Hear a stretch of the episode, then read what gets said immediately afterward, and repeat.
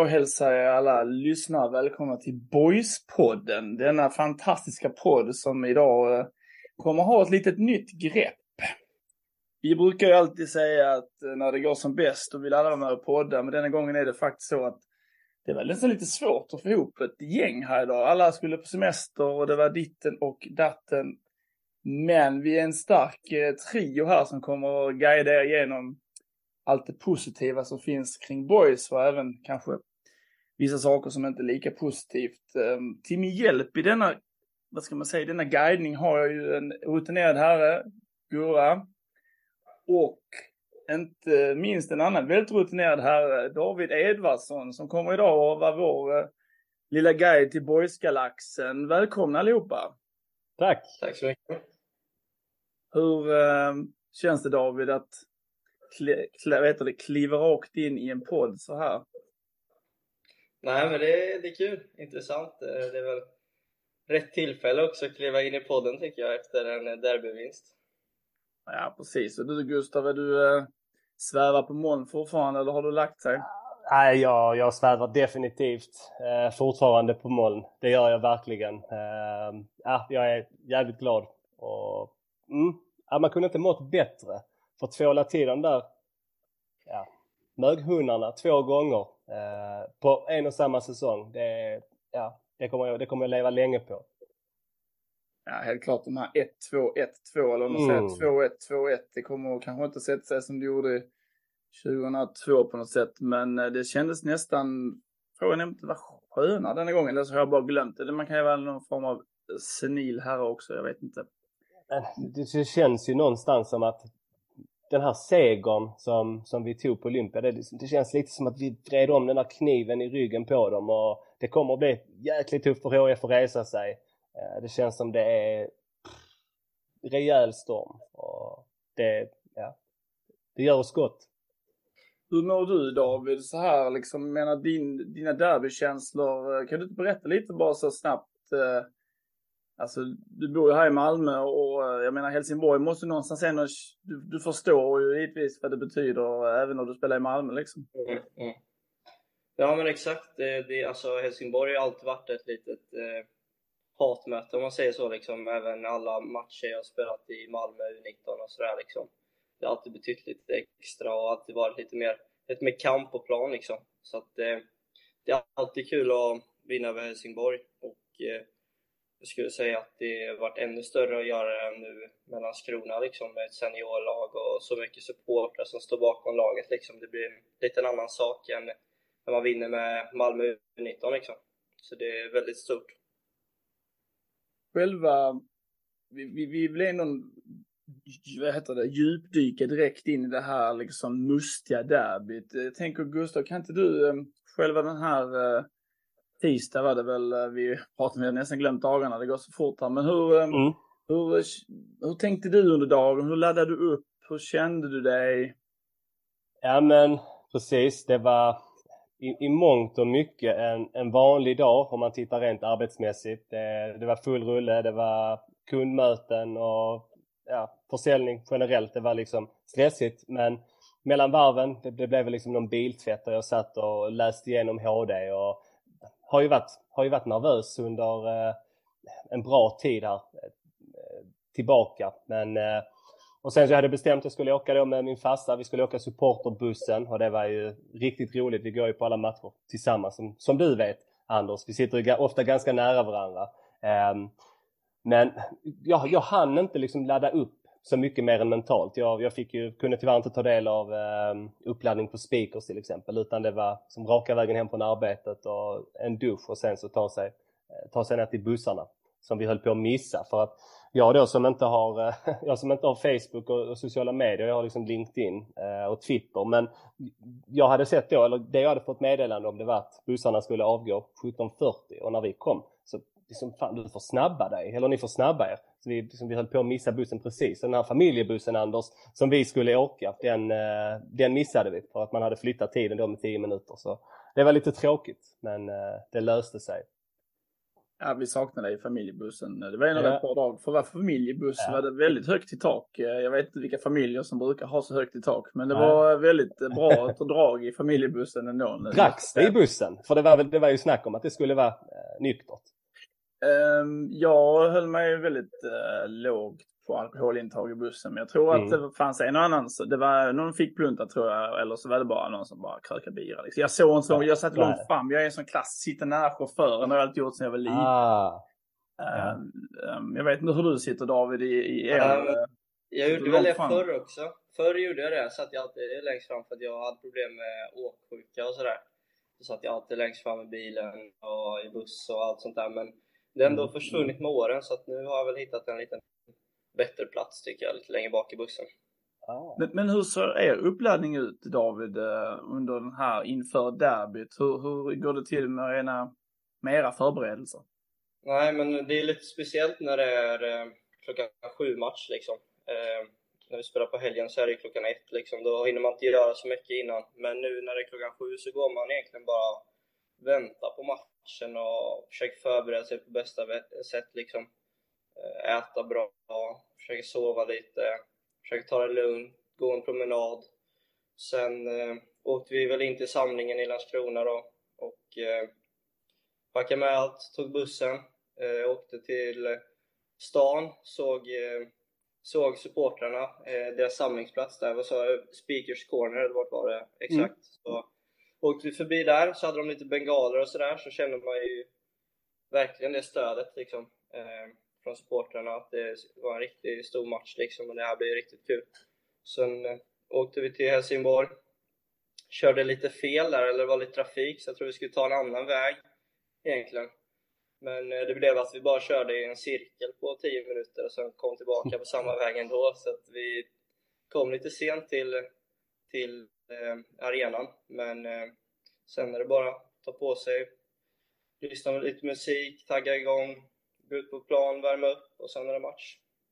Och du vet att du får spela, alltså du vet, du fick du reda på det? Får man reda på det redan kvällen innan eller hur, när får man reda på att man ska spela liksom? Eh, det är väl egentligen träningen innan liksom. Eh, Ja. Där vi har det taktiska.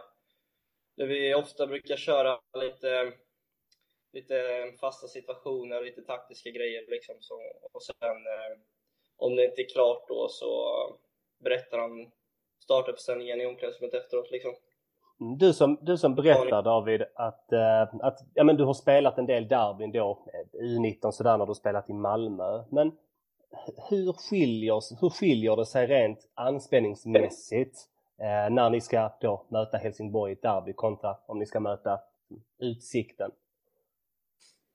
Nej men det är ju, man försöker att eh, få det till att det inte ska kännas så mycket. Att man försöker vara väldigt lugn och tänka att det är bara en vanlig match liksom. Eh, Den anspänningen vill man ju ha. Men samtidigt, det är svårt när man eh, kommer ut i uppvärmningen och ser hur mycket folk det är och hur mycket det betyder för folk. Då är det klart att det blir en, en väldigt stor grej liksom. Eh, men som sagt, man försöker bara vara lugn liksom. Eh, och jag känner väl att i denna matchen, det, det kan ju variera över matcher till matcher också liksom. Men i denna matchen känner jag väl att jag hittat ett väldigt bra lugn.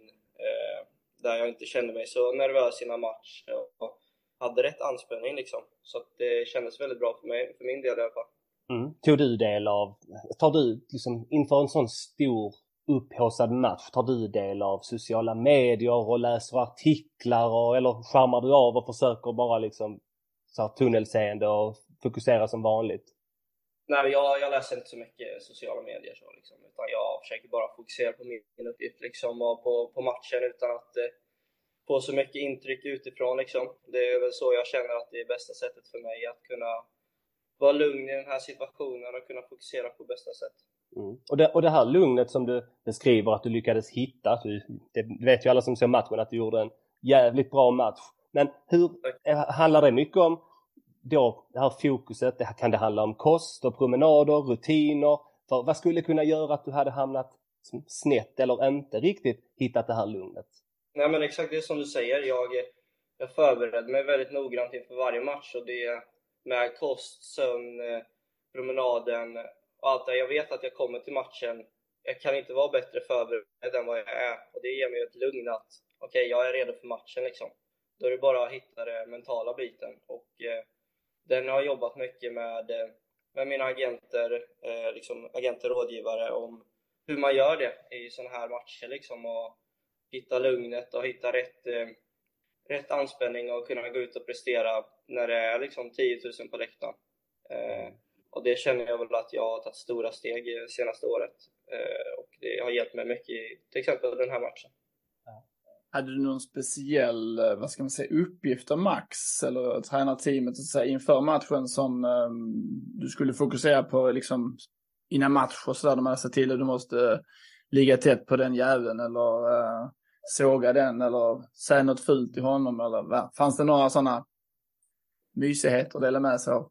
Nej, det var väl inte så egentligen utan vi, vi har ju den taktiska delen liksom innan matchen, träningen innan och eh, då får jag väl veta min, min roll lite mer detaljerat liksom vad, vad, vad han vill ha ut av mig på matchen liksom. Och då är det väl kanske att eh, i första halvlek var det väl han Lukas eh, Källnäs, 41 han var lite mer min gubbe liksom, han var på min position liksom så jag skulle ta hand om ganska mycket.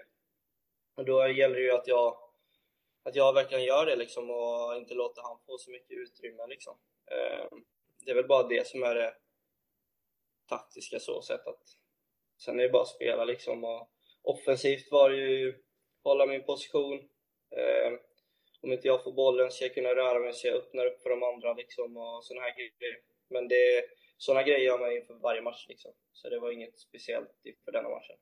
Nej, och det var ju ni, ni, tog ju, ni tog ju bort HIFs centrala mittfält första halvtimmen. När, när, när i matchen kände du, och det vet jag själv, nu har inte jag varit särskilt framgångsrik i fotboll, men när jag väl spelar, hade man väl dagen så kan man ju lätt känna att amen, jag känner att jag har ett övertag. Och då vet man att det blir en bra match. När i tisdags kände du att amen, fan, det här, det här blir bra? Det var ganska tidigt egentligen skulle jag säga. Det var väl det var väl egentligen för mig, för min del när jag gjorde den, eh, den vändningen där efter 5-6 minuter kanske på Zumar var det väl. Oh, ja. Jag vände bort han och kunde, en riktigt bra aktion liksom som gjorde, fick mig att känna att eh, det här känns bra liksom och de kommer inte kunna, kommer inte kunna hantera vårt mittfält liksom. De har problem att komma in i press och sådär. Så där kände jag väl att det kommer bli en bra match liksom. Ja, häftigt.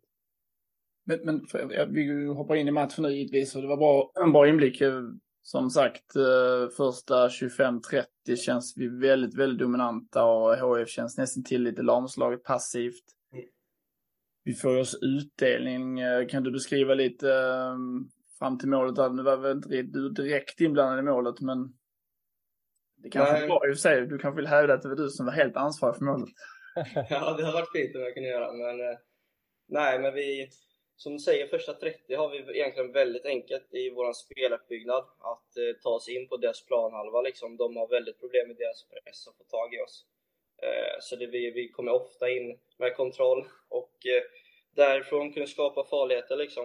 Eh, och det är väl exakt det vi gör på målet. Liksom. Vi, jag tror det är Johan som eh, blir fri där, eh, kan ta fram boll och hittar ut på Edvin som senare hittar in ett inlägg som Diawara vänder bort, hittar in på Stril liksom. Så det är ju, det är ju väldigt bra speluppbyggnad som gör att vi kommer in med kontroll på deras planhalva och därifrån kan skapa mycket och fylla på med många folk i boxen också liksom. Som vår höga wingback är inne på straffpunkten och slår in den liksom.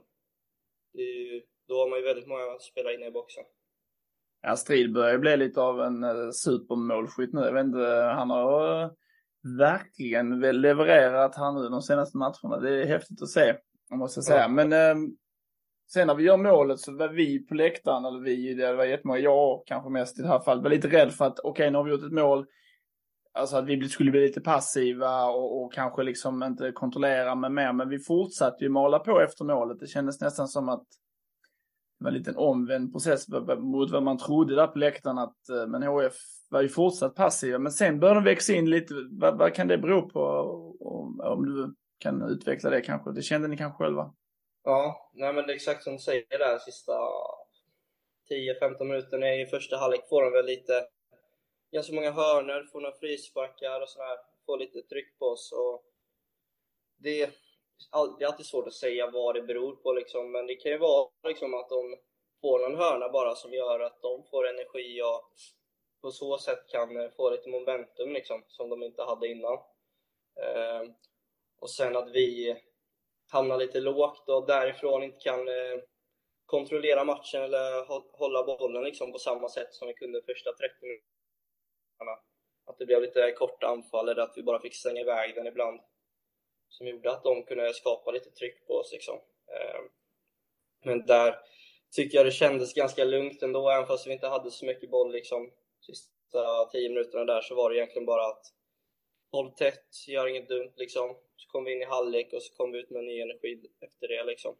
Mm. Det, är alltid, det är alltid svårt att, eh, att göra 45 minuter där man kontrollerar matchen fullt ut liksom. Eh, det, man hamnar ofta i lite så här svackor och, och då gäller det bara att rida ut den stormen liksom. Mm. Vad var, hur gick tongångarna i halvlek? Vad var Max direktiv till er och vad sa ni spelare till varandra? Vad var planen inför andra halvlek och försvara en ledning? Ja, exakt. Men det var ju, vi snackade mycket spelarna tillsammans att hitta det här lugnet igen. De eh, hade välja problem med oss i början och det gäller att bara hitta tillbaka med det. Spel, ha den speluppbyggnad vi hade i början och bara fortsätta hålla i boll, skapa anfall och komma ut på det sättet igen, inte, inte det stressade sättet som vi avslutade på.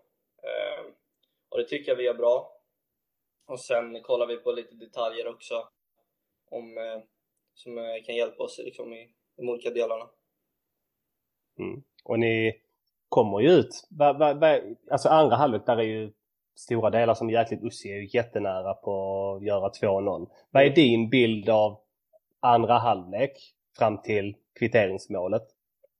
Nej, men som du säger, jag tycker vi kommer ut bra. Jag vet inte hur länge det håller i sig, men jag tycker vi skapar chanser som Ossi. Eh, Robin har några skott. Vi är ofta inne på deras planhalva liksom och kan skapa chanser. Sen var, fattades det väl lite i sista passningen och sådär. Men eh, det kändes tryggt just där och då och vi kunde kontrollera matchen som vi ville. Och sen återigen så skapar de lite hörner, får lite tryck på det sättet och vi rensar lite dåligt och tappar lite boll på egen plan, vad som gör att de kan fortsätta hålla tryck liksom. Och sen kommer ju, kommer ju stödet också från deras eh, kortsida liksom. Det är alltid jobbigt att försvara mot, eh, mot supportrarnas sida liksom. Eh, det ger ju dem ett extra tryck. Eh, så då var det ju bara att försöka försvara lågt igen och där, hoppa, där hade jag ju velat att vi på ett bättre sätt hade kunnat hålla i bollen igen. Eh, men det blir väl lite, lite stressat.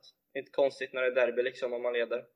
Påverkas man mycket av publiken och trycket på läktarna? Kan det bidra till att man blir mer stressad och kanske ja, tar lite då fel beslut ibland i vissa situationer? Absolut, och eh, framförallt de kan bidra väldigt mycket. Precis som vi blir eh, väldigt positiva, positiva och får mycket energi av när boys eh, stöttar oss liksom i första halvlek när vi gjorde det bra. Så när de känner att de börjar komma in i matchen så får ju de också det stödet. Så det behöver inte vara att vi blir stressade utan det kan ju vara att de får väldigt mycket energi av det också liksom och blir ännu bättre av det. Mm. Där var, en, där var en straffsituation. Vi stod ju, ja, som du vet då på kortsidan, så det var ju så svårt att se. Men där var det har ju snackats lite, jag har inte sett, faktiskt sett just den i efterhand. Det var en straffsituation. Vad, vad var din bild av det? Skulle HIF haft straff? Om man ska säga, försöka säga det helt opartiskt. Mm, ja. Nej, det är svårt att säga så, men jag tycker den är ganska lik en situation eh, vi har i första halvlek med, med Edvin som inte snackar så jättemycket om, men eh, det är väl egentligen samma av duell skulle jag säga. Och ger man straff till Ring där som man mycket väl kunde gjort så tycker jag att vi skulle haft en likadan i första halvlek. Så det, där tycker jag det går jämnt ut. Liksom. Ja, jag håller med dig. Tror du det, kan det vara en avvägning som Tess gjorde tror du? Att, ja men fan, jag kanske kunde ha blåst där, men jag gjorde inte det och då kan jag inte blåsa här heller. Um... Ja, mycket möjligt. Det, det är svårt att säga hur domarna försöker alltid vara, tänka på att varje situation är en ny situation och man kan mm. inte tänka tillbaka så, men jag tror de är också människor liksom. De påverkas ju av sådana saker och det är säkert att det, att det påverkade hennes, eh, hennes eh, sätt att se på det där liksom. Mm. Jag tycker bara när man ser om det lite, när man såg matchen, vilket man givetvis gör när det är sån här vidunderlig match, så får man ju sitta och se om det lite. Men Edvins eh, situation, jag tycker den är helt klockren straff, men han, han tar ju det som en man. Han gör ju inga stora yviga gester. Han går ju inte in i någon form av äh, rabiat liksom känsla. utan Han reser upp, tittar upp. här, det blir ingenting. Ja, det var det kanske ingenting då. Medans Ring, där blir det ett jävla halligalli. Och, och det ser ut som att Ring, han sätter ut foten lite för att få en träff på den. Han är rätt, det är en snygg, eh, vad ska man säga, snygg inbrytning framför så den är svår att komma undan också för, för mm. Dahlqvist där som, jag tror det är han som försöker fälla honom.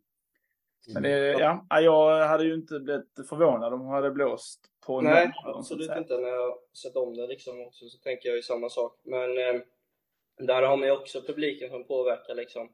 Vi får våran straff eh, på boys-sidan liksom och där blir det mer tryck på domaren när, när, när ni ser att eh, Ossi går ner liksom och ni kan eh, skrika och påverka domaren liksom. Precis samma sak blir det ju för Helsingborg på deras planhalva när de får den eh, straffsituationen så är det ju alla i klacken står och skriker liksom och då blir det ju väldigt mycket mer diskussion om saken.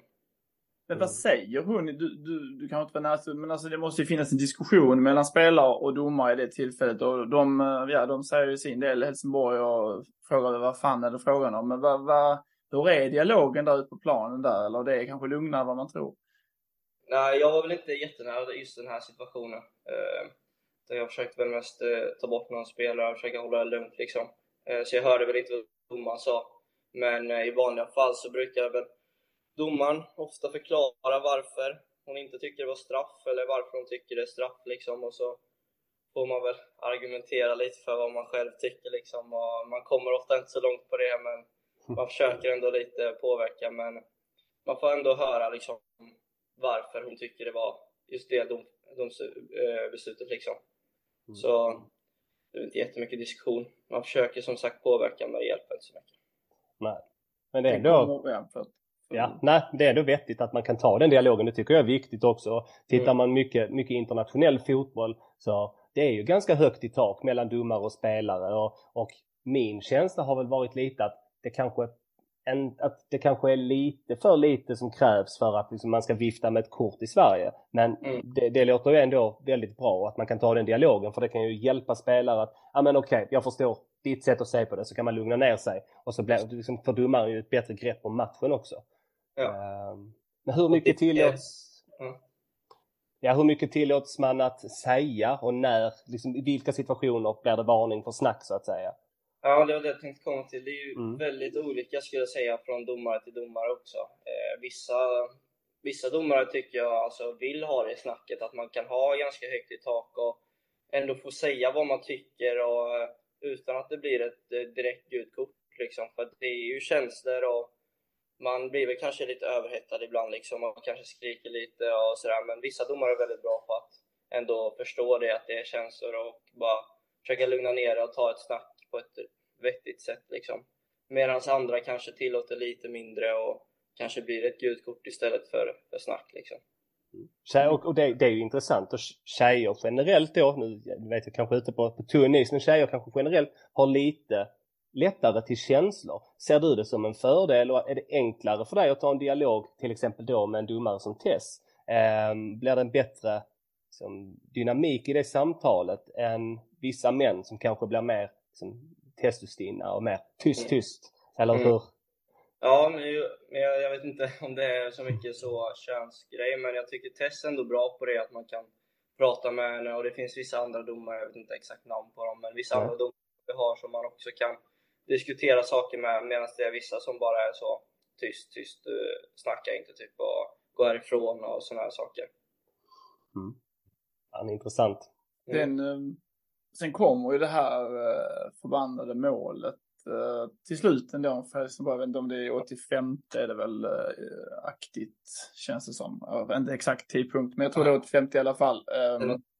På ett, eh, ja, ett distinkt skott för, från kanten. Så det ser väl i och för sig inte helt otagbart ut om man ska vara lite kritisk. Men ett, Kado tar ett steg eh, åt fel håll rätt tidigt, tjuvar lite kanske och eh, blir ju lite ställd på sin egen stolpe. Hur upplevde du det där David? Eh, nej, men jag stod i muren där och tänkte väl, när jag såg att han petade, så rusade väl Edvin och Robin tror jag det var. Eh, och jag försökte väl egentligen typ backa bak lite, gå lite åt vänster, försöka täcka skottet kanske. Eh, men det går ju precis bredvid mig. Eh, och om det är rätt att jag skulle gjort det, det vet jag inte. Jag kanske skulle rusat med dem också, liksom, det vet man aldrig. Men det var väl min tanke att jag vet vart han kommer skjuta, så försök ta mig dit och försöka blocka skottet liksom. Eh, men sen tycker jag att det är ett ganska bra avslut som man gör, liksom studsar precis innan mållinjen också, som gör det jobbigt för Karo. Hur känns det då? Jag menar, ni har haft matchen lite i händer tyckte jag. eh, Och, men där och då kändes det faktiskt nästan ur, ur eh, åskådarperspektiv som att shit fan de kan fan ta tre och så. Jag kände att de pumpar på lite på något sätt direkt efter målet. Och det, det hetsades upp stämning där. De fick den här energin som du pratade om med publik och, och vi var lite skärrade kanske. Jag vet inte. Jag var skärrad i alla fall. Men jag, Jag skriver under. Stod ju också bra och var nervös i princip hela tiden så jag ska inte uttala mig så mycket. Men eh, vad tyckte du? Sa ni Eh. någonting till varandra liksom efter målet eller var det bara liksom, ja, det Nej, var men det- panik eller nej? Nej, det var inte panik liksom, men det var, det var ju tungt liksom. Eh, vi har försvarat bra länge och så kommer det ganska sent och vi, det finns ju inte jättemycket tid för oss att kunna vända på det och börja trycka på igen liksom. Men eh, man försöker ju direkt bara tänka att match igen och försöka uppmuntra alla och huvudet högt och bara köra igen liksom. Eh, och som du sa, de får ju mycket energi och de fortsätter ju trycka på lite efter målet liksom. Eh, ganska naturligt. Eh, men jag tycker ändå vi står emot bra och kan eh, kontra lite på dem och, och göra det bra liksom. Ja, de var ju inte Precis. så, ja, precis. En poäng för HF var ju inte så, det kändes lite som att de, ja nu har vi chans, nu, vi måste fan ta tre snart. Vi ligger där Mm. vi ligger, lite, lite så desperation fanns det kanske. Ja. Det utnyttjar ni otroligt Ja. smart. Ja exakt, och de hade ju väldigt mycket offensiva spelare inne då. Eh, eftersom de jagar kvitteringen. Och då hade vi väl ganska många defensiva spelare inne. Eller vi gjorde bytena efter det kanske. De har i alla fall väldigt mycket Mm. offensiva spelare inne, så det blir ju naturligt att de kommer ju fortsätta trycka på liksom. Det är ju deras bästa chans.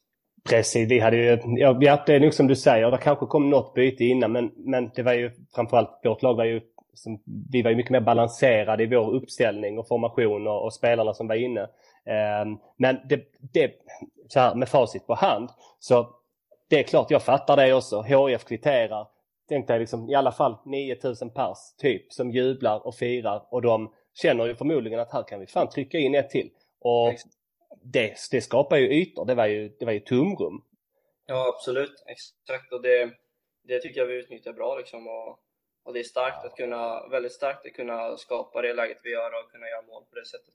Mm. Och, då, och då måste, jag måste såklart fråga också, för där var ju det protesterades ju jättemycket då från HIF-håll och Stuart Baxter var ju ute och svingade ganska rejält med Tess och så Mm. vidare. Ehm, Efter matchen, där var ju en frisparkssituation. Berätta, vad är din bild av den? Eh, min bild är väl att ganska många domare tar den frisparken för att det är väldigt bekvämt i den situationen att ta en frispark till försvarande laget där när, när han eh, slänger sig och skriker liksom. Eh, Mm. Om man ser att det är ett friläge på gång. Så det, de flesta domare tar väl det beslutet. Även om det är rätt eller fel, det lägger jag ingen vikt i, men eh, det är väl väldigt enkelt för domarna att göra det. Men sen eh, Sen var det ju jäkligt skönt att de inte gjorde det. Så var det ju bara att anfalla och skapa en straffen som jag tycker är solklar. Ja, det håller jag med dig. Där är inget snack om den. Och där är hon, och där tvekar hon ju inte Tess utan eh, det var liksom direkt pekade på, på punkten. Det Mm. var, vad gick igenom ditt huvud då? Ja, jag, var, jag var stressad. Först försökte jag bara försöka visa mig lugn framför Adam och försöka hjälpa han så att han kunde hålla sig lugn och få bort någon som sparkade på straffpunkten där och någon som försökte psyka, han försökte ta bort lite och bara försöka få han att vara lugn och kunna fokusera på sin straff. Och sen, sen när han eh, går och lägger upp bollen och jag ställer mig bakom så är jag riktigt nervös. Står där och väntar. Kan knappt kolla men... eh, Men, eh, jäklar. när, när, det var klart att det var eh, Egnell som skulle ta straffen antar jag på förhand. Så det var inget, ingen diskussion om det så att säga. Nej, alltså vi har alltid två straffskyttar uppsatta inför varje match och den som är sugen tar den och det är ingen så intriger i laget liksom. Det är inget, vi vill det bästa för Är du bara- en av... Förlåt. Jag var en av denna i denna matchen. Ja. Mm. Eh, Så det var jag och Adam. Men han sa, jag är väldigt sugen, eller jag var såklart sugen också, men jag känner mig väldigt säker på att ta den, sa han. Då sa jag, ja men ta den du, jag tror på det. Man såg ju att Rasmus Jönsson försökte göra någon form av skyttegrav av den där straffpunkten. Ja. Ehm, Riktigt fult. Sjukt irriterande, men, men eh, sen eh, gick det in och det pysslades om lite straffpunkt och alla skyddade Egnell. Och, ja, det var intressant att se det här psykningsförfarandet, men det är ändå att ni försöker skydda och, för det tog ju, en, det tog ju en lite tid innan han kunde lägga straffen. Ja exakt, det tar ju lång tid och då är det ju, kan det ju bli väldigt jobbigt och det är en fördel då tror jag bara som han gjorde, gå och hålla i bollen och försöka komma in i sina egna tankar så försöker vi, vi andra göra det enkelt för honom och ta bort någon som försöker psyka honom och sådär liksom. Så han bara Mm. kan fokusera på rätt saker. Vad består en sån psykning av? Eller försöker psyka? Vad säger han, vad säger han eh, till Egnell? Liksom? Nej men det kan ju vara allt möjligt, jag hörde inte exakt nu men det var väl att han skulle att han kommer missa den eller han kommer halka eller något sånt där liksom. Tack och Riktig papphammare. Uh, fint. Men eh, David, Ja. Adam sa ju det i, i, efteråt att han hade bestämt sig, sitt hörn. Om du hade varit den som hade slått den, hur hade, har du också så här, inför en match bestämt dig för ett hörn eller hur är din taktik? Vänta ut eller hur hade du Eh. gjort om du hade stått där? Ja, exakt. Nej, men det varierar ganska mycket, ska jag säga. Men just inför denna matchen så hade jag tänkt också bestämt mig att lägga den i den, det hörnet för att Amir, vår analytiker, kommer alltid inför varje match och så kollar vi på typ, ah, säg de fem senaste straffarna målvakterna har haft mot sig liksom och då såg vi att han här eh, slängde sig åt eh, ja, hans höger eh, varje gång då. Och eh, mot ÖIS räddade även en straff på det hållet. Mm. Så vi var väl ganska säkra på att, och han går väldigt tidigt också dit. Så att vi var väl ganska säkra på att han kommer, kommer gå där och vi hade väl liksom, säger man, procenten med oss. Och Mm. då var det väl bara att ta det bästa beslutet efter det liksom och känna oss ganska säkra med att det, det är vår, hans vänster som kommer vara öppet. Mm, det, är ju, det är ju grymt med, med de analyserna. Men jag tänker, vet, om man får den informationen till sig tidigt Mm. och en analytiker har tittat. Okej, Joelsson han slänger sig, de fem och fem senaste slänger han sig där och Mm. slår den i, i, i bortre. Kan det göra att man safear lite med straffen? Hade det kunnat göra att man safear lite så att om han väl då hade gått på andra hållet att han hade tagit den? För, Så, kan- så kan det vara. Eh, Mm. jag, hade, jag tror Adam gjorde det också för att eh, jag hade liksom eh, ändå kollat på målvakten och försöka se vad han gör och eh, han stängde sig väldigt tidigt åt det hållet så att jag tror Adam såg det också och då var det egentligen bara att rulla in den. Då behövde han inte sätta den ut i stolproten utan det var bara att lägga, lägga in den på mål liksom. vilken jävla sopa, Joelsson. Ja, det var fint. Fem av fem i det hörnet, ja det ska han göra. Ja, Kan han, kan han fortsätta med? Ja, det, det, det, läste, det läste ni sönder. Det är världsklass. men ur ett uh, åskådarperspektiv, jag såg inte straffen. Jag, vågade helt enkelt inte se det. Jag satt ner på marken och tittade upp på en lite yngre kille som var helt oberörd. Uh, sa bara till honom, du får fan jobba in den här straffen för jag, jag kan fan inte se det här. Alltså. Och det var ju länge man fick sitta där för det hände ju för fan ingenting. Det var ju Mm. lång väntan liksom och sen blev det helt tyst liksom. Och så, så Mm. tittar jag på den här lilla, alltså börjar han, säger han nej nu så börjar jag nästan gråta liksom. Men sen jublade vi tillsammans. Vi, vi förenades i någon form av gruppkram. Jag har ingen aning vad den här snubben heter eller vem det är liksom. Men vi hade fan ett riktigt moment där alltså. Det var länge sedan jag var så glad. Det var fan helt sjukt vad glad jag var. Men, men er, eh, ni fick också hysteri. Det såg jag, eh, bänken kommer in som någon form av, eh, ja, riktigt sån planinvasion och sådär. Men, men känner man liksom att fan nu vann vi eller börjar någon direkt så kom igen nu, det är fortfarande kanske två minuters tillägg. Vi kan inte liksom, de har en man mindre visserligen, eller hur går, hur kan man kanalisera den här energin på rätt sätt liksom? Ja, alltså först så är man ju eufori liksom och bara, bara jublar och tänker inte så mycket på matchen liksom utan det är bara nu är det mål, vi har vunnit liksom tänker man. Men sen när man är på väg tillbaka till eh, sin egen planhalva liksom och till avsparken så börjar man ju liksom lugna ner sig och börja fokusera på uppgiften framför sig liksom att det är, jag tror Tess visade, sa att hon hade två minuter kvar eller något sånt där. Så var det bara liksom att fokusera på att eh, stänga denna matchen och då då tycker jag alla gjorde det väldigt bra, hade full fokus på uppgiften och ingen svävade iväg. Så det var väldigt bra gjort. Mm. Ja, det får man verkligen säga. Det var, väl- hur sen, eh, det, var som en, det är som en dimma det här lite, men eh, ja, till slut går ju den här slutsignalen och eh, vi har ju Rapp och Jonsson gör en magisk eh, rusning och, och ja, helt enkelt bara skalla varandra. Det är nästan till det absolut roligaste sett i efterhand i alla fall. Eh, det kunde gått lite illa kanske vi säger, men de har inte riktigt eh, kanske tränat på den. Det är ingen inövad variant antar jag, utan eh, två eh, lite testosteronstinna killar som ja. måste göra någonting.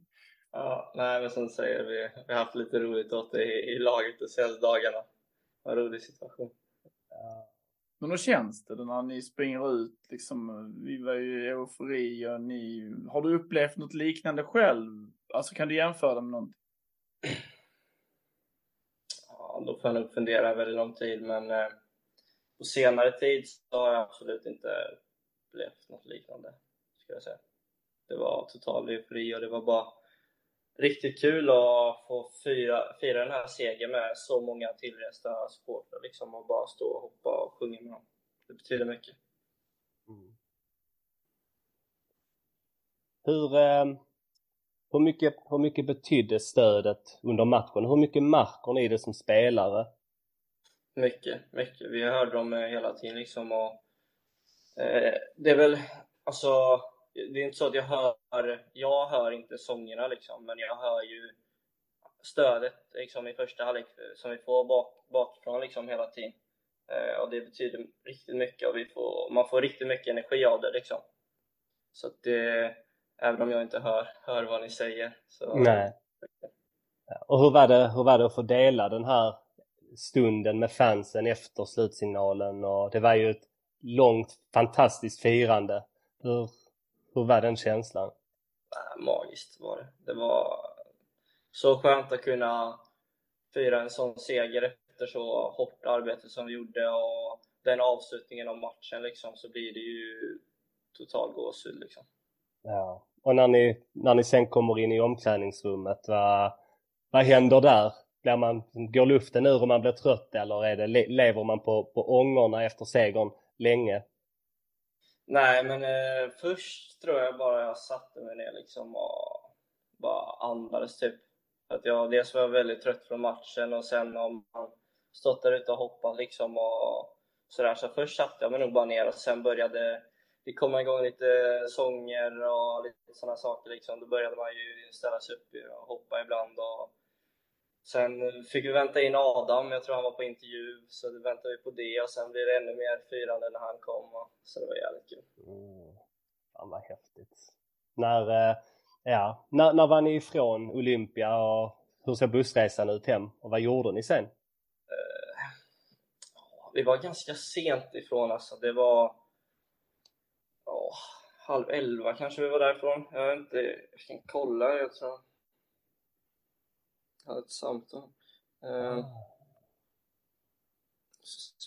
Gött, vi får en exakt ja. tid. Ja, det, är, ja. det älskar man. Vi, vi åkte vi, klockan 10 åkte vi därifrån. Mm. Uh, och då hade vi högtalarna uppe i bussen liksom och lite goa låtar och sjöng och lite sådär. Eh, sen åkte vi väl till Landskrona, åkte igenom eh, åkte igenom där i centrum igen liksom och det var supportrar ute som eh, stod och sjöng och hade bengaler och såna saker. Sen åkte vi till, eh, till IP, bytte om, alla tog sina bilar. Eh, vissa, några tror jag åkte hem, men de flesta åkte ju tillbaka till eh, den, vad heter Spiegel Corner. Ja, eller något, jag tror inte det var exakt den vi var i, men det var någon bredvid där, så var vi i någon, mm. någon bar med massa supportrar och hade det, hade det gött liksom i, ja, vissa var där längre men jag var där i två timmar kanske, en och en halv timme. Mm. Fick ni ledigt dagen efter? Ja, vi var det. Ja. Då, och var det, liksom, var det okej okay att ta en bärs och sådär eller var det? Ja, det var det. Eh, ja. jag, jag skulle köra så att eh, jag tog ju bara cola men det var några som drack lite liksom. Och, inget överdrivet men man fick ta någon öl liksom och njuta och se. Ja, det fantastiskt att man kan fira så med supportrarna. Det, och det, ja, det är väl liksom precis på denna nivån det går. Sen så kanske det blir svårare men ja, det är fantastiskt. Och, det är otroligt kul för det, var ju, det har ju varit liknande scener tidigare. Att, mm. Ja, ni spelar då säger jag liksom ändå, jag ska inte säga bemödar er, det, det kanske låter lite underdånigt men det är otroligt kul att ha den täta relationen med en spelartrupp. Att man, man vågar bjuda lite på sig själv och det inte blir lite sådär, ja men vi är ju spelare, vi ska inte umgås med er som det har. Ibland känns det kanske inte just i boys, men lite så spelarkollektiv generellt det är ju lite så supportrar att det, det hålls lite liksom på en armslängds avstånd. Men här tycker jag är, ja, jätteroligt och hoppas det fortsätter så. Mm, absolut. Det var kul för oss i spelartruppen också. Liksom träffa alla supportrar och se hur mycket, det var många historier liksom om hur mycket den här, de här dubbelvinsterna framförallt betydde för dem liksom. Och de var mm. boysade så, så länge, hela sitt liv liksom, och det här var deras bästa dag liksom och sådana saker. Det betyder mycket för oss i spelartruppen liksom.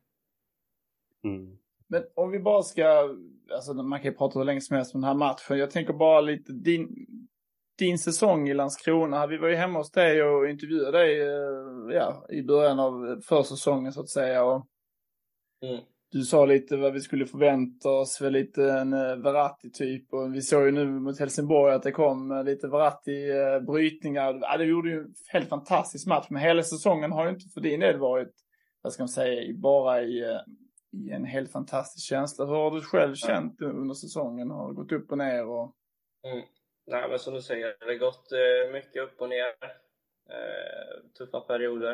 Eh, där jag inte riktigt har presterat som jag har velat liksom. Och det är ju alltid tungt liksom. Man, vill ju, man har ju väldigt höga krav på sig själv liksom och det är alltid tungt när man inte, när man inte kan uppfylla dem liksom. Men senare, nu efter, ja, efter uppehållet tror jag egentligen att jag tycker jag har börjat prestera bättre och bättre liksom och är väldigt nöjd med, med hur jag presterar nu och den situationen jag är i nu. Det, det, ja, du, du har ju verkligen varit en av lagets bästa spelare eh, den senaste tiden. Men så tänker man då att, ja, som Anders vet är väldigt konspiratorisk, men Billy då kliver åt sidan och Max tar över fullt ansvar. Är det någonting i hans profil, ledarskap, även om sättet är likt att spela. Är det någonting i Max liksom, sätt att leda laget som har ju passat dig bättre? Det vet jag inte riktigt. Eh, det är väl att jag, liksom, jag själv har presterat bättre när jag fått chansen och därefter fått mer chanser. Liksom. Eh, mm. om, jag började spela bra när jag hade Billy också, tycker jag tror det var eh, Jönköping, AFC tycker jag gjorde ganska bra matcher liksom. Och då hade vi Billy så jag tror inte det var på grund av tränarbytet på så sätt liksom. Men, eh, men Mats har gett mig väldigt mycket förtroende och det växer man ju av som spelare. Men det är ingenting det omger, för jag menar man är ju inte bättre än, äh, än sina lagkamrater på något sätt. Om inte de är bra så är inte du heller, eller du kan ju vara bra men det håller inte så länge om, om resten är skit så att säga. Men det finns ingen, i omgivningen, i, alltså vad säger, formationen som har gjort att du känner dig trygga eller vad ska man säga, dina lagkamrater gör något speciellt som har gjort att du har blommat ut som satan? Nej, jag vet inte. Jag kanske har hamnat i en lite mer roll som jag känner mig mer bekväm med liksom, eh, positionsmässigt liksom. Eh, som gör att jag får fram lite mer av mina styrkor kanske. Som gjort att jag presterat lite bättre kanske. Det kanske är en del hur, för, för, för oss som inte riktigt så här, kanske förstår eller ser helt tydligt hur din roll skiljer sig nu från innan. Hur skulle du beskriva att din roll passar dig lite bättre nu än, än tidigare? Nej, men eh, nu skulle jag säga att det som passar mig väldigt bra är att jag får vara väldigt delaktig i alla delar av spelet. Eh, får vara med mycket i speluppbyggnaden, som jag gillar. Eh, kan även fylla på, göra lite mål liksom, skapa chanser, vara kreativ i mitt passningsspel och sen eh, defensivt kunna, kunna läsa spelet mycket och kunna kliva in i dueller och kunna sätta press på och jobba framåt liksom. Eh, där jag, eh, en av mina styrkor tycker jag är att läsa spelet i både offensivt och defensivt och det, det är lite enklare från den rollen jag har nu, eller jag är lite bättre på det från den rollen jag har nu. Mm. Ja, det är jätteintressant och hur, hur, hur var första tiden? För att det är ju, man ska inte, ska inte sticka under stol med att det var ju jättestor prestige att Boys lånade in dig. Du hade mm. spelat med Värnamo förra säsongen, eh, spelat i U21-landslaget eh, och inte riktigt då kommer in i det och inte får det förtroendet. Det var ju många som tänkte att nej men han kommer nog bryta här nu. Varför ska han sitta på bänken i Landskrona Boys? Mm. Hur, hur fan liksom, klarade du det och hur var den tiden? Nej men det, det var som jag sa någon gång där också, kanske uttryckte mig lite dåligt också men eh, alltså det var en tuff period liksom. Eh, och jag har jobbat mycket mentalt, mycket med mina rådgivare och sådana saker liksom. Och kunna hamna på rätt köl igen och kunna fokusera på rätt saker. Och något jag bestämde mig ganska tidigt för var att påverka de sakerna jag kan påverka så kommer de andra sakerna med tiden liksom. Eh, och det tycker jag att jag gjorde väldigt bra. Jag kom in varje träning och presterade väldigt bra varje träning och så kom det andra också efter det. Ja, det, det är jättestarkt. Jag kan bara själv då liksom relatera det till att kanske inte trivas på ett jobb. Tänk, du vet, man ska, man ska köra 40 minuter mellan Landskrona och Malmö och så ska man komma med en känsla och att fan, liksom det här är inte riktigt så som jag hade hoppats. Att du tog dig igenom det. Förmodligen så kommer du titta tillbaka på denna perioden när du har haft en lång och framgångsrik fotbollskarriär som någon form av liksom vändpunkt och att mm. det, här kommer ju, det har, har ju förmodligen stärkt dig för alltid. Eh, Absolut, det är kanske den mest lärorika perioden eh, som jag haft. Jag snackade med någon i, någon i Malmö där som eh, snackade med han, träffade honom på lunch och snackade liksom om, om situationen och sa han liksom att ja, det här är kanske din, din tuffaste period som du har haft liksom, förutom skador som du inte kan påverka liksom.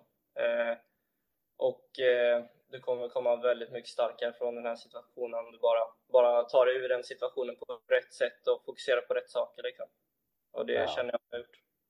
Ja, verkligen. Var det, var det som agenter eller vänner och familj som sa att ja men David, ska du inte liksom, fan du förtjänar bättre än så här. Ska du, ska du inte liksom riva det här lånekontraktet och göra något annat? Hade inte det varit en enkel väg att gå när det går som tuffast och en person då med liksom, du som har så höga ambitioner att nej men liksom det här är jag lite för fin för. Jag skiter i det. Mm. Ja men det hade varit väldigt enkelt liksom. Eh, men att bara skita i det, sticka härifrån liksom, även om det inte är rätt eller, eller om det är rätt, men bara sticka och skita i det liksom. Eh, men eh, jag har väldigt mycket bra folk runt omkring mig med agenter, folk i Malmö, framförallt min familj som alltid liksom stöttar mig och eh, oavsett vilket beslut jag hade tagit så hade de stöttat mig liksom. Eh, så de har verkligen liksom hjälpt mig i denna, denna situationen liksom och fokuserat på rätt saker och sen var det bara okej, okay, jag, kör, jag kör boys. Det är bara, jag ska bara visa alla liksom. Det måste ju varit en revanschlusta på något sätt också som börjar brinna lite att vad fan, det här är ju inte jag, alltså jag är ju bättre än så här och nu ska jag fan visa dem att David Everson is back liksom. Det kändes lite som att jag läste en artikel om eh, Adam Egnell också som mm. lite beskrev en liknande period för honom och vi har ju också varit otroligt, eh, otroligt, men ganska kritiska till att Adam har försvunnit försvunnit ur matcherna och varit lite långsam. Men det känns som han också nu på något sätt eh, sammanfaller nästan lite med din formkurva. Mm. Har börjat växla upp. Är det någonting ni har pratat om? För han har också varit lite i frysboxen.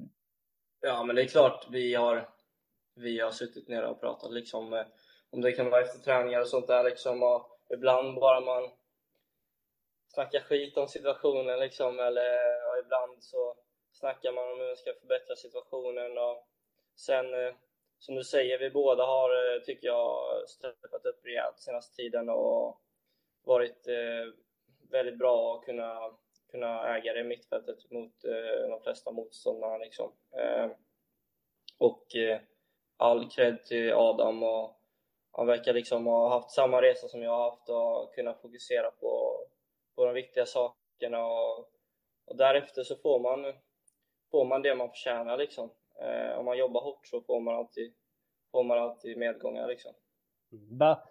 För under denna tuffa perioden har Billy och Max varit stöttande och transparenta och hela tiden gett dig förtroende även om du inte har fått spela, eller hur har den dialogen sett ut? Eh, vi har haft eh, diskussioner, vi har liksom vi har alltid varit väldigt respektfulla och alltid låtit varandra ha, ha sina egna åsikter liksom och vi kanske inte är överens om alla saker liksom. Men vi har alltid respekterat varandra och alltid haft ett bra snack om, om hur vi ska gå vidare och hur vi ska förbättra den situationen jag var i liksom. Eh, så det har alltid varit ett bra snack mellan dem. Är det, är det en viktig del för, för en spelare då som är på lån att man ändå känner förtroende att man kan ha den dialogen med sina tränare? För att annars hade det, kan jag tänka mig att det hade varit jäkligt tufft mm. om man hade blivit utfryst till exempel. Mm. Ja men exakt. Det, då hade man ju utfryst som lånespelare är väl kanske den värsta situationen man kan vara i liksom. Eh, så det, det har varit jäkligt skönt att inte vara det. Mm. Ja, nu, eh, nu bara en liten sån här liten ny grej. Nu, nu, kommer det in en ny konkurrent här på mittfältet, en uh, spanjor, så det är härligt. Uh, Unai. Uh, mm. Vad är ditt intryck av honom bara för att uh, snappa upp lite sån här mer sån aktuell um, nyhet? Så att säga.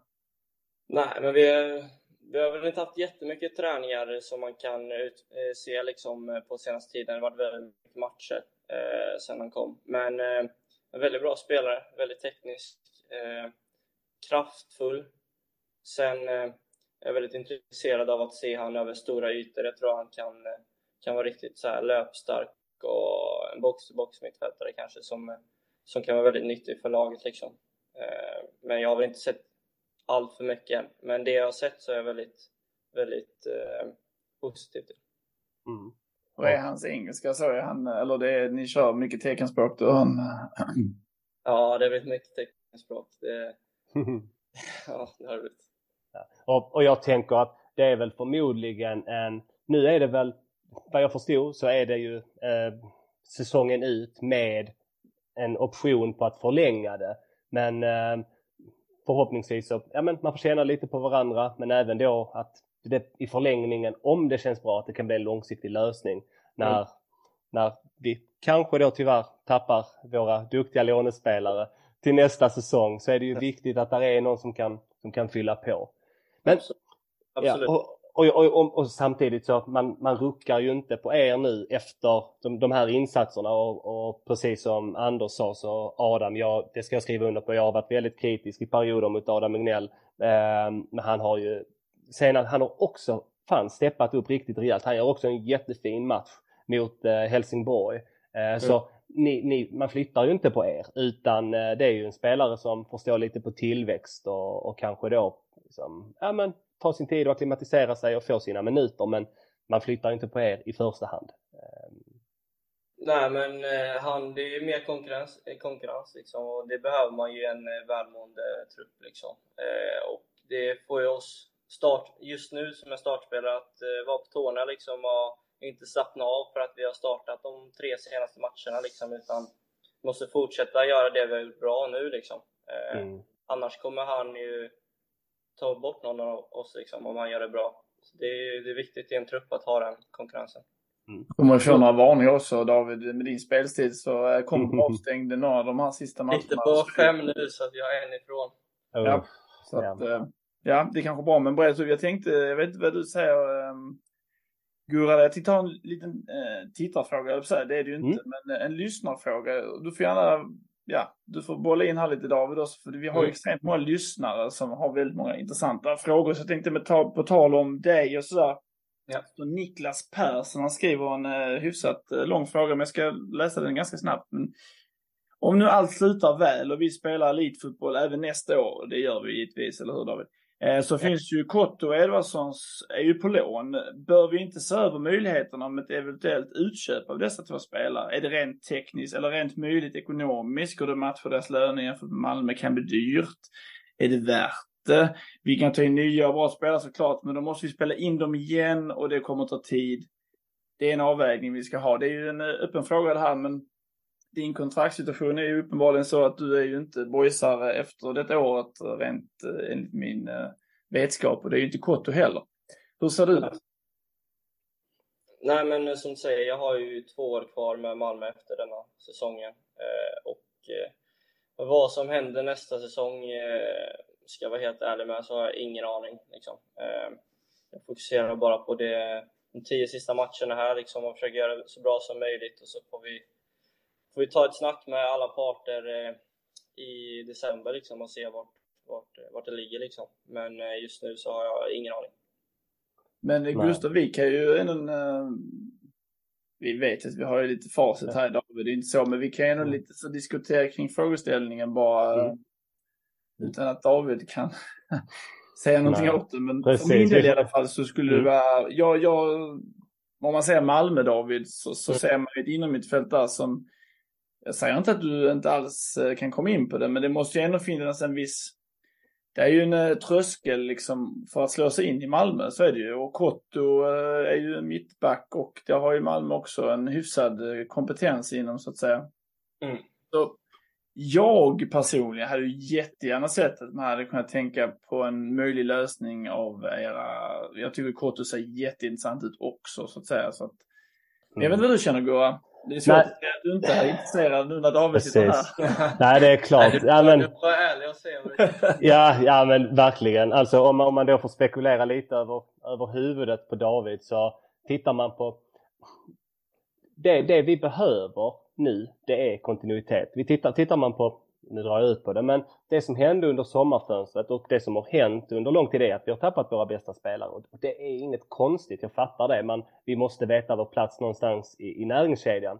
Men jag David som verkligen, både David och Kotto har ju varit väldigt bra också de senaste matcherna.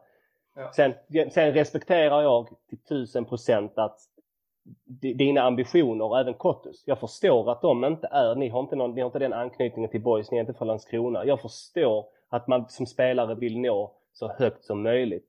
Men jag tror att, att jag, jag tycker att boys ska göra allt i sin makt för att försöka förlänga de här lånen ytterligare ett år. Kotto kommer förmodligen inte bli en startspelare i Malmö nästa säsong. Det är så jä- och det är inte för att han är dålig utan det är, det är, det är så jävla stor konkurrens. Eh, och det är inte säkert att du heller David eh, hade tagit en plats på Rydströms mittfält. Nej. Men du kan, men kanske, det vet man inte. Men med tanke på, det, det hade varit så jäkla synd och för din del också att då från Malmö till Värnamo och till Boys och nu verkligen känner jag att du börjar ju verkligen få ditt lyft. Nu, nu förstår man vad folk har pratat om. Jag förstår varför du är i Malmö och jag tror att e-, en dag så kommer du, kan du mycket väl spela i en, i en fin klubb i Allsvenskan. Sen vet jag inte om det blir Malmö eller var det är. eh, men det skulle det kunna bli. Men att fortsätta denna säsongen och att Boys fortsätter och får behålla spelare och kanske värvar någonting till.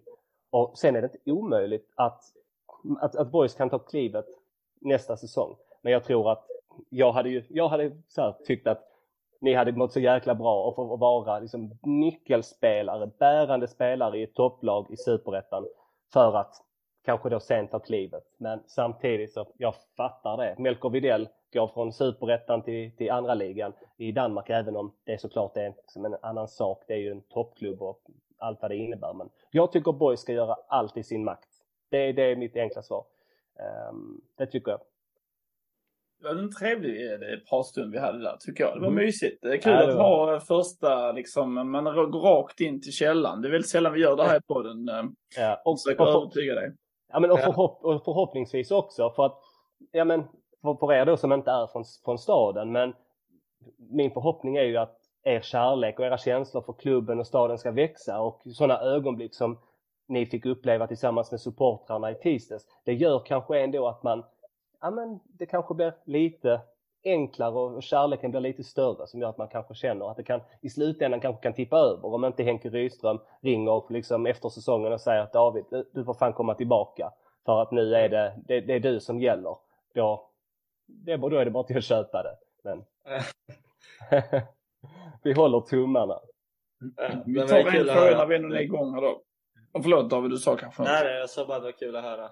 Ja, men det och, jag, och, jag, och jag är själv också jätteglad att du sitter här idag. Jag, jag har nog eh, dratt någon känga mot dig också här tidigare Mm. under säsongen. Så det har svingats på, liksom, det har svingats till höger och vänster och det har också varit, och inte bara mot dig utan det är mot väldigt många. Och det har ju varit, det har ju varit ett sånt jävla problem denna säsongen att det har varit väldigt ojämnt. Eh, vi har inte vunnit mer än två matcher på rad och vi har inte förlorat mer än två matcher på rad. Och jag sa i bussen på, på vägen hem, jag höll på att bli utskälld, så jag sa det efter matchen att fan, alltså tittar jag på tabellen och ser att vi möter guys på lördag. Så sa jag, alltså, nu, nu är det fan inte, nu, nu är kvalet nära till hands. Så sa de, nu får du sluta, säger du det på den så får du stryk.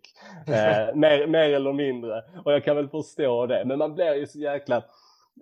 Det, det är som ett äktenskap att heja på ett fotbollslag när kärleken blir så stor. Och det, det gör ont. Och sitter man då i ett sånt här öppet forum och för mig för mig, jag, jag tänker inte att jag har lyssnat utan jag tänker att jag sitter med kompisar och pratar boys och det kan ibland bli ganska, ganska tufft. Men jag är också den första att, här, jag, jag, kan vara kritisk men jag är också väldigt liksom, vill gärna ge väldigt mycket beröm när, när det är befogat och det är ju enklare. Jag har också haft en tendens tycker jag att tajma in att alltid vara med när vi förlorar. Så det är liksom så jävla förbannad.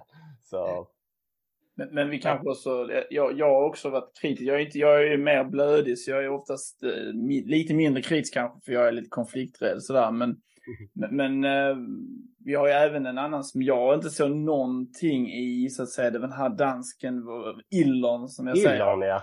Men mm jag måste bara göra, jag, jag får bara göra avbön helt enkelt. För han bidrar med någonting som är helt otroligt. Alltså de lungorna, han måste ha sprungit typ en och en halv mil i den här derbyt. Det var helt vansinnigt vad han kutade alltså. Ja, det är sjukt. Ja, sen tycker inte jag fortfarande att jag ser kanske den största målsprutan. Men han är rätt, han har precis kommit in i det och sådär. Men, men han bidrar ju med ett sjuhelsikes jävla jobb. Och det sätter en avtryck hos oss på läktaren i alla fall. Jag vet inte hur ditt intryck är David av eh, nydansk. Nej, men han eh, har kommit in bra nu tycker jag och tillför väldigt mycket för oss. Eh, som du säger med hans lungor och hans tagetspel tycker jag är bra också. Hittar ofta tillbaka, håller i bollen och hittar ofta tillbaka med en passning liksom och det, det hjälper oss mycket. Så att han tillför väldigt mycket för oss. Det gör han och han är ju han, han är jäkligt fin i pressspelet och det vet jag att, att uh, Billy, eller Max då, verkligen eftersöker i en nia. Att vi ska ha en riktigt, riktigt bra pressspelare. Och jag hörde någonstans att ja, men Max föredrar en spelare som är extremt bra i pressspelet framför en nia som gör 20 mål. Och det kanske ligger någonting i det. Så det är klart man vill ha lite mål från Illon. Men det är samma sak som när vi hade Hofsö. Att när du har en spelare som jobbar så hårt i pressspelet så kommer det det kommer också bli lite på bekostnad av att vara jättenära målet och kunna alltid vara superskarp i de lägena. För att presspel, du vet, pressspelet det, det, det är liksom ett yrke i sig. Det kräver så jäkla mycket. Så det blir alltid på bekostnad av något annat. Men det, det gör ju så mycket för övriga laget. Så ja men kul. Illon har verkligen han så jag tycker också att han frigör eh, Ossis roll på något sätt. Ossi blir fria på något sätt och han får mer löpytor som han passar mycket bättre. Han kommer mycket mer rättvänd med boll, tycker jag. Och eh, tycker det har varit en stor förändring i hans roll. Nu har han inte, uh, gjorde inget mål han nu i derbyt, men det är nära. Men, men man ser på något sätt att det blir en annan typ av, vi hotar på ett annat sätt. Och det tyckte jag är en, en liten förändring också med dansken när han kom in. Mm. Jag vet, vi ska ta en liten tittarfråga till. Nu säger jag tittarfråga Ja. ja men jag, jag ser ju er, så att eh, för mig är det här en tittarpodd. Men eh, Jimmy Larsson, för övrigt en väldigt trevlig kille som jag har vuxit upp med. Det är inte så att jag tar hans frågor för det är så han ligger överst i listan här. Men han, eh, lite vilka förändringar i spelet har gjorts efter att Max har tagit över första fiolen? Onekligen har resultaten kommit, men kan ni, vad kan ni se för konkreta förändringar som har gjorts? Du kanske kunde komma med inblick där David. Eh, har det gjorts några konkreta förändringar? Vi, eh, vi gick väl tillbaka lite mer till den formationen vi hade i början av säsongen. Eh, 3-4-3 eller 3-5-2, det beror lite på vilka vi möter och hur vi, hur vi ställer upp liksom. Men eh, vi gick väl tillbaka lite till den formationen. Det är väl kanske den största förändringen som har skett senaste tiden. Men sen gör vi ju förändringar inför varje match liksom och det, det gjorde vi ju även under Billy och vi gör det nu med Max också liksom. Så inget direkt du kan peka nej. på som har varit speciellt annorlunda liksom? Nej. Nej, nej. Och, det, och det som du säger, det är ju formationsskiftet. Eh, och det har ju det har ju fallit väl ut. Sen, precis som man kan snacka om ibland, att en, en till viss del blir en lek med siffror, men det har ju gett effekt faktiskt. Um, Ja, men ska jag ta en eh, lyssnarfråga här också då, Anders? Det låter fantastiskt. Ja, och, och här blev det liksom det frågor invävt i lite eget tyckande då. Och jag tänker att och det här är en fråga och sen är den uppdelad i 2, 3, 4, 5 och 2, 3 och 4 har vi redan avhandlat. Så jag läser då 1 och 5 och så tänker jag att vi, ni fritt kan få svara. Det hade varit kul om du hade velat flika in eh, också David. Men 1. Matchen. Hur jävla bra var inte Jonsson och Kotto? Tyckte ni Rapp kom upp i nivå? Jag tyckte att eh, han inte kom upp i sin nivå. Svag i straffområdet och satte sina medspelare i svåra situationer genom att ofta vända hem tillbaka till deras press istället för att kliva fram med bollen. Det var många liksom, i ett, men vad, vad tycker ni där? Kanske du kanske ska svara på den då Anders? Um, ja, det, jag tror att David kommer att göra en liten sån politisk korrekt kommentar. Ja. Han kommer att passa det. Um, ja. Nej, jag kan väl lite delvis hålla med. Jag kan definitivt hålla med hur jävla bra Vante Jonsson och Kotto. Jag tycker Jonsson eh, måste också lyfta, alltså vilken jäkla kaptensämne det är. Eh, han utstrålar så otroligt mycket passion för det här, Landskrona Boys. Jag blir lycklig när jag ser honom. Eh, och Kotto har kommit så bra in i det. Sen Rapp, eh, ja, Eh, det var väl några situationer där det inte blev riktigt rätt där med, med passningar och satte sina medspelare i lite svåra situationer. Det kan jag väl lite hålla med om. Sen, ja, sen tyckte jag kanske inte riktigt jag, jag var så inne i den här matchen på något konstigt sätt. Så jag la nog inte riktigt märke om det var en bättre eller sämre prestation än hur det brukar vara. Men det var väl någon gång vi sa äh, rapp för helvete. Jag tror det, jo, det hörde jag någon Rapp för helvete hörde jag. Då kanske det var en av de här äh, situationerna. Men äh, inte något som jag reagerade nämnvärt över. Men Ja, jag vet inte David, du, du passar den kanske? Nej, men jag tycker eh, som sa Jonsson ska få väldigt mycket beröm från hans senaste tid. Jag tycker han har varit eh, otroligt bra. Ehm, även Kott och Rapp senaste tiden varit stabila och riktigt bra. Jag håller väl inte riktigt med om, eh, om Johan liksom. Han är väl den som ligger bakom vårt första mål liksom, där han tar sig fram med bollen och hittar ut med en bra passning. Och Sen han gjorde tappa bollen någon gång kanske, men jag hade väl också några bolltapp och alla har ju liksom bolltapp. Så att det är väl inte... Det är väl orättvist skulle jag säga att sitta och peka på just ett bolltapp i en match liksom och säga att man var, var dålig för det. Ja, och, och Rapp fick ju, tycker jag, alldeles korrekt en trea i tidningen, tre och fem. Du och eh, Jonsson fick fyra eh, och eh, Kottung femma. Så ni hade ju högst betyg, men ja, jag tycker exakt det var ett bolltapp. Jag, jag tycker inte heller att, eh, ja, man, man, nej, det, det, är absolut ingenting att hänga upp sig på. Och det var ingenting som blev liksom farligt i slutändan heller. Och tar man då fråga nummer fem här. Eh, vi har avhandlat domarna, händelserna utanför plan kommer vi till och sen spanjoren. Vad vet ni, vad tror ni? Men även då framåt bygger vi vidare på denna trenden, lite med det jag var inne på. Vi har vunnit två, max två på rad, sen förlorat två. Eh, framåt kan vi, bygger vi vidare på trenden. Kan vi slappna av nu? Vad, vad är din känsla där David? Och en, I en mycket märklig tabell och superettans säsong där det känns som att ja, men, nästan från ja, topp fem och neråt indragna i någon form av ehm, eh, bottenstrid. Eh, ja, men framför, vi kommer ju absolut inte slappna av liksom. Eh, vi har tio matcher kvar och vi kommer försöka göra vårt bästa i varje match liksom och fullt fokus på varje match oavsett tabellposition liksom. Ehm, och sen eh, väntar en riktigt tuff men rolig uppgift nu på, på lördag liksom och det gäller att det gäller att bygga vidare på det som vi gjorde väldigt bra de senaste matcherna och att hitta den energin igen. Det kan vara tufft efter en sån där sån där vinst och sånt firande och sån eh, total eufori liksom att, eh, att komma upp på benen igen direkt och göra en ännu en riktigt bra eh, insats liksom. Men eh, det är ju förhoppningen och det är det vi kommer försöka göra igen liksom. Mm. Är, det svårt, är det svårt att ladda om eh, efter en sån urladdning? Och så mitt i veckan och så bara fyra dagar till match. Ja, det är ju det är ganska tajt där ju till nästa match eh, just denna gången. Men mm. eh, jag tycker att eh, vi ändå i laget känns eh, ganska redo för nästa match. Liksom. Och det, jag, jag tror vi kommer komma ut på ett väldigt bra sätt i denna matchen också. Mm.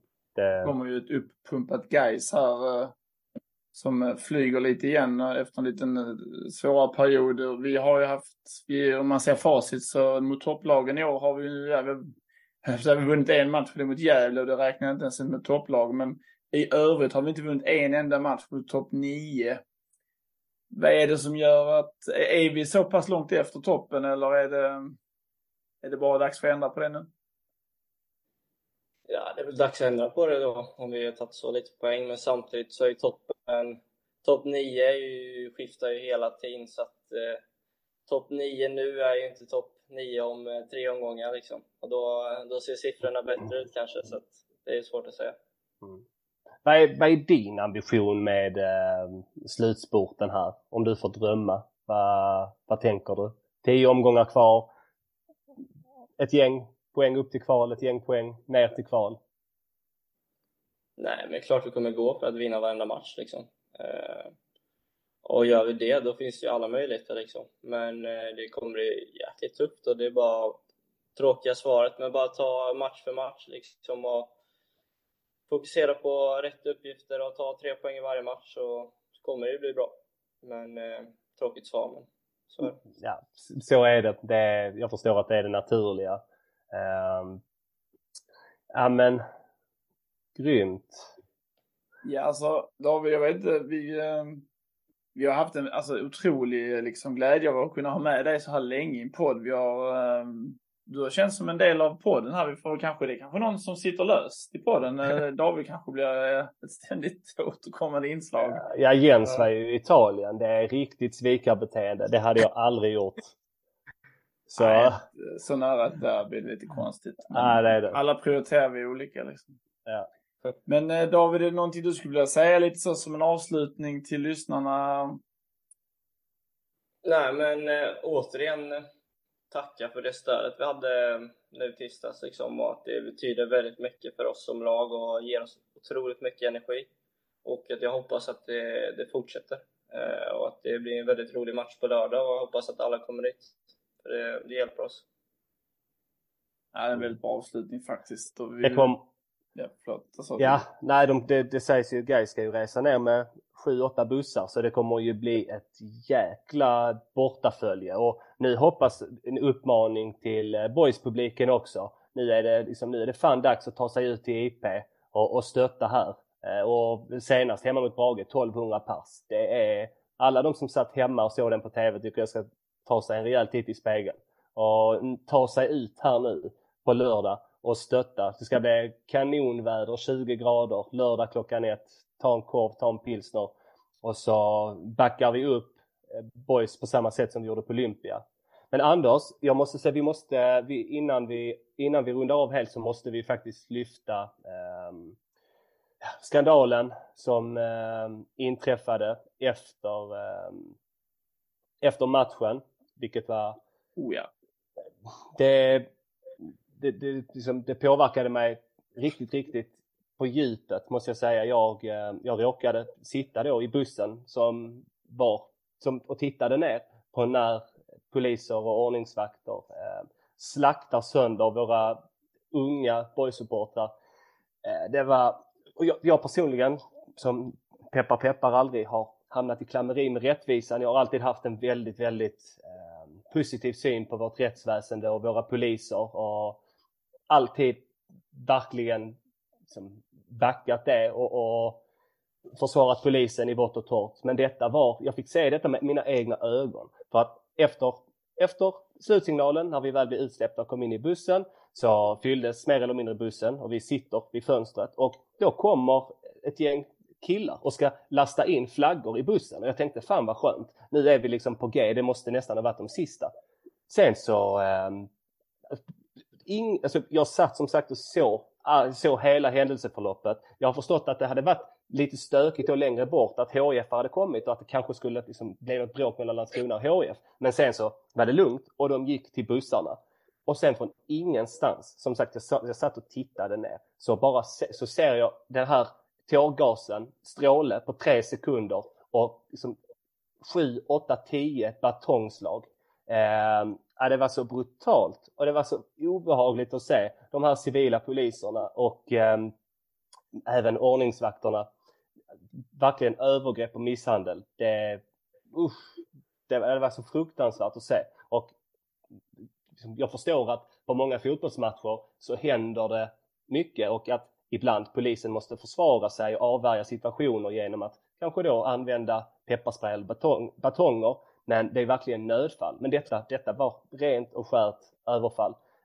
Um, och det var ju en gammal en kille från eh, falangen som jag känner igen också. Det var så, så jävla brutalt för att han, han liksom ville ingenting. Han står så här med händerna bak och de drar och sliter honom med rygg. Det ser ut som att ryggsens hans rygg skulle knäckas över ett, eh, eh, liksom, då ett högt räcke. Samtidigt som den andra liksom står och matar den här unga killen och de sitter verkligen rädda för sitt liv. Och ja, det, var, det var riktigt brutalt. Så och, där eh, tappade... Nej men jag förstår och, och framförallt, jag, jag håller med dig. Jag har ju en, ja, Medelsvensson har alla haft problem med polisen, eh, till och med haft väldigt mycket nytta av polisen. Så jag, har, jag förstår mm. vad du menar. Jag har inte heller så att säga någon aversion så generellt mot polisen. Men i det här tillfället så befinner sig också, man vill ju alltid säga att man ska ha civilkurage och säga att nej men om någonting är fel i samhället så ska man dra, och vad ska man säga, då ska man räcka upp en hand och säga du, du slutar med det där, det är felaktigt. Men i det här tillfället befinner man sig faktiskt i laglöst land för att det här är, trots att man är vid lagens långa arm, för om du börjar och själv gittra, för det första så åker du kanske själv på en batong.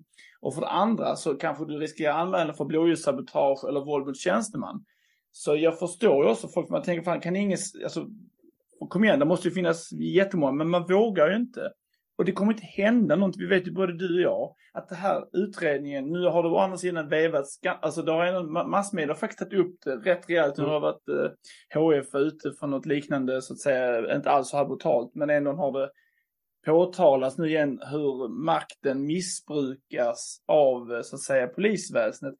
Och någonstans så är det en otroligt farlig väg att gå. Jag blir helt upprörd. Men ja, för att det. Det, det liksom, när man går den här vägen så är det, det riskerar att eskalera något enormt. För att till slut så blir det liksom ett trepartskrig. Det är inte bara nog med att supportrar inte gillar varandra, utan nu, nu, är liksom, nu är man i krig även mot polisen som ska vara den som skyddar en, som stöttar en. Och för ungdomar idag så är det jättefarligt att finna dem den här att man ska hata polisen. Jag, för, jag förstår liksom, men vi vill ju inte ha det samhället utan jag tycker polisen, nu, nu lyssnar jag på, det är en Helsingborgspolis, Brokopp eller vad han ja. heter, som, yes. som, som för en gångs skull, och jag kan inte säga så mycket om hans eh, ve och väl, men han uttalar sig i alla fall, för annars är det ju en mm. stängd mm. värld som man inte, de uttalar sig aldrig och det Nej. händer ingenting. Men han, han står i alla fall upp och säger någonting vad som skulle kunna ske bakom kulisserna. Och det är ju jättetacksamt, men nu måste det ske, ett, det måste tas, nej det, det måste få ett slut nu, för det är en otroligt farlig väg. Ja, jag håller med dig exakt. Och, och, det, som är, det som är så jävla farligt med denna situationen, precis som Brokopp var inne på i Tutusvenskan där jag hörde honom, det är just att det är ju redan två grupper, polisen och supportrar, där det kanske redan finns en fientlighet, där det redan finns en anspänning. Då här måste polisen föregå med sånt klockrent jävla exempel. För att det här skapar ju istället en, en misstro. Det skapar en fientlighet och ett hat. Så, och jag, jag är fullt medveten om att de absolut flesta poliserna är fantastiska och gör ett jättebra jobb. Men här, här måste någon stå till svars. För att om, om det här sopas under mattan, då kommer hatet bara fortsätta växa. Här är det bättre att du vet, det är ingen raketforskning att leta upp den jävla polisjäveln liksom på, på, på den filmen och ställa honom till svars. Och då så kan du plocka ur honom ur sammanhanget istället för att det blir hela polisen så blir det, nej, det var denna personen, han döms till detta eh, på grund av brottet han begick. Det blir mycket bättre. Men när du sopar under mattan hela tiden så blir det fortsatt en, liksom en häxjakt på, på hela kollektivet. Vilket är illa. Nej, ja, och det här är så... regelrätt misshandel. Alltså det här är ju, om man bara plockar ur det ur kontext, vilket polisen är väldigt bra på att göra, för man säger, ja men jag ser bilderna, men vi mm. vet ju inte vad som föregick händelsen. Det spelar fan ingen roll vad som föregick händelsen, tycker inte jag i alla fall, för det här unika händelsen är regelrätt misshandel och då måste ju någon stå till svars.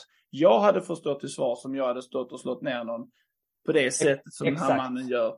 Varför ska då inte polisen stå till svars? Det är verkligen de som skulle upphålla man snackar om att politiker som inte betalar skatt underminerar ett skattesystem. Ja, men poliser som begår våld underminerar ju hela rättsväsendet. Så det här måste ju...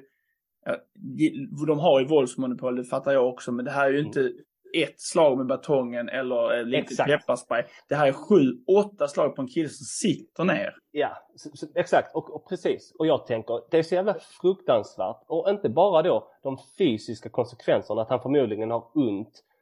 Tänk, tänk, det psykiska. Alltså det är ju som att, det är som att bli våldtagen. Tänk att bli våldtagen av en jävla polis. Ja. Hur, hur, fan, hur fan känns det? Ja, Du det- tappar, ju, ja. du tappar ju tron och, och hela din, hela din liksom, det blir ju en sån jävla dominoeffekt för att hela din innersta krets kommer få, du du vet, de kommer få höra samma sak. De kommer uppleva samma sak. Helt plötsligt har du 10, 20, 30 pass som känner exakt samma sak om liksom hela polisväsendet då istället. Mm. Så här måste det ske någonting. David, du, ni har givetvis också sett eh, kanske bilderna vevats och, och eh, pratat om det så att säga internt. Är det någonting ni har? Ja, vad tycker du? Nej men eh, jag vet väldigt lite så ska jag väl hålla mig utanför egentligen men jag såg ju, jag såg ju några filmer och någon bild där på Twitter framförallt och det gjorde ju väldigt ont i magen liksom och det var ju, det var ju jobbigt att se på. Ehm, sen har vi väl inte snackat jättemycket om det i laget eftersom vi var lediga igår liksom och sådär. Det har väl inte hänt så mycket senaste dagen eh, vad jag vet men eh, det är ju jobbigt att se det skulle jag säga.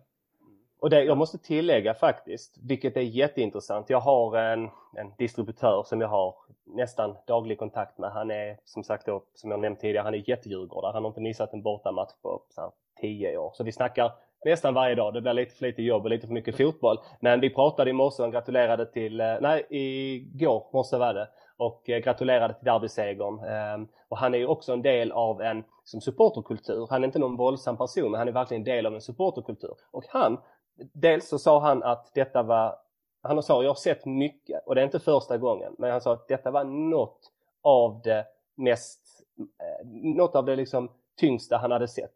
Ehm, och han berättade även att tydligen, enligt honom då ska jag tillägga, så finns det ett systematiskt problem i Helsingborg bland eh, ordningsvakter och poliser när det kommer till eh, alltså, eh, ja, att skydda på arenan.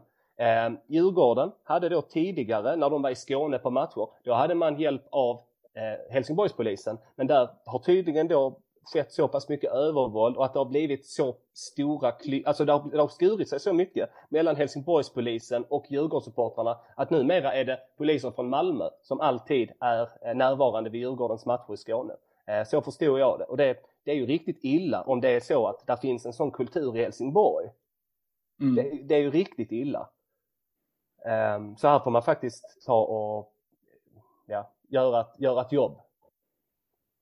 Ja, verkligen. Och, och det, jag, jag, jag ska inte, jag menar, alla, vi har, alla människor har ett ansvar och hur man beter sig i livet och eh, det får alla stå för. Men det här, trots allt ska de ändå stå upp för någonting som vi, eh, alltså vi, vi värnar om. Det är ju vårt samhälle så att säga. Och kan de bete sig så här så då kan man fan ställa krav på någon längre snart eh, att hålla sig innanför lagen. Så ja, det är djupt, eh, jag är djupt skakad, eller det låter som en politikergrej men Nej, det, det berör det verkligen. Men det här är en vanlig människa som, nu, jag känner inte personen som är väldigt, väldigt misshandlad, men jag har förstått att det är verkligen inte någon som brukar hamna i sån här trubbel och, och eh, ja, det gör ont i hela kroppen när man ser det. Det är ju helt vansinnigt. Men eh, ja, vi får hoppas att det kommer något, eh, något gott ut av detta på något sätt. Eh, Jag vet inte riktigt vad med, för jag tror inte på att det kommer hända så mycket. Men eh, det var min lite pessimistiska inställning Precis. till eh, locket på-kulturen inom polisen.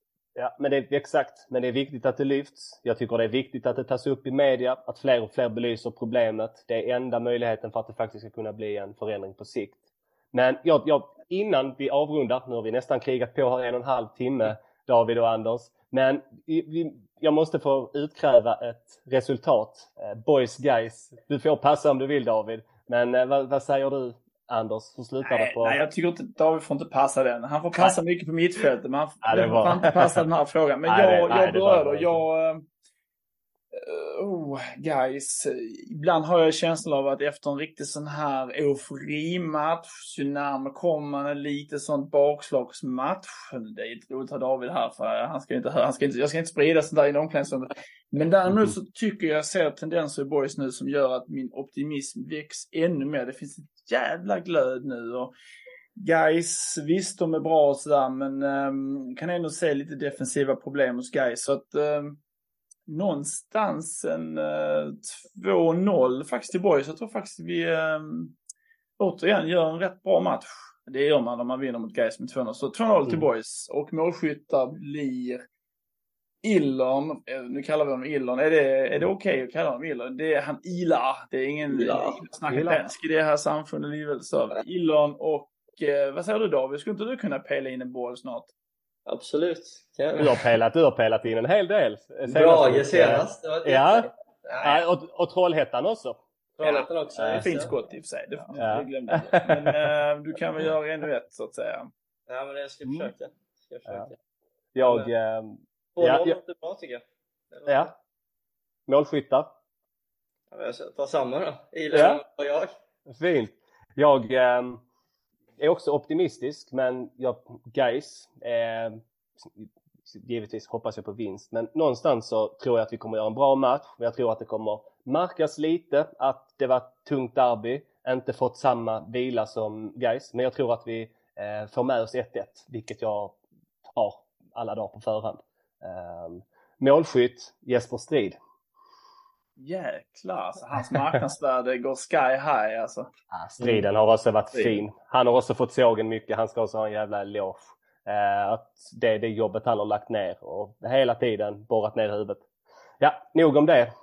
Um... Ja, vi kanske ska avrunda. Det har varit en lång kväll, och, men det var å andra sidan också värt många bra ämnen tycker jag. Att slå HIF, jättebra ämnen, men vi måste också lyfta så att säga det, det otroligt negativa som händer utanför banan ibland. Så att, uh...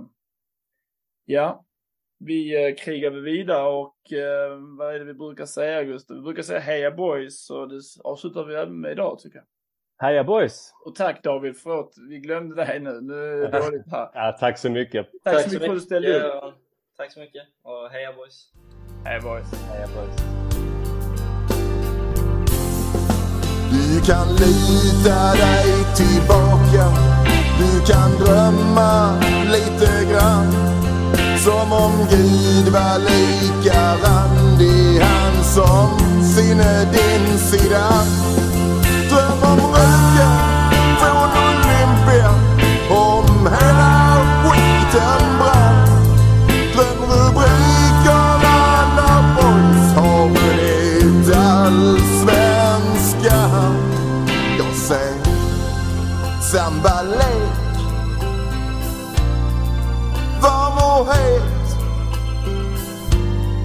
Jag ser grym överlägsenhet. Ja, du ser väl det själv. Vilket underbart lag.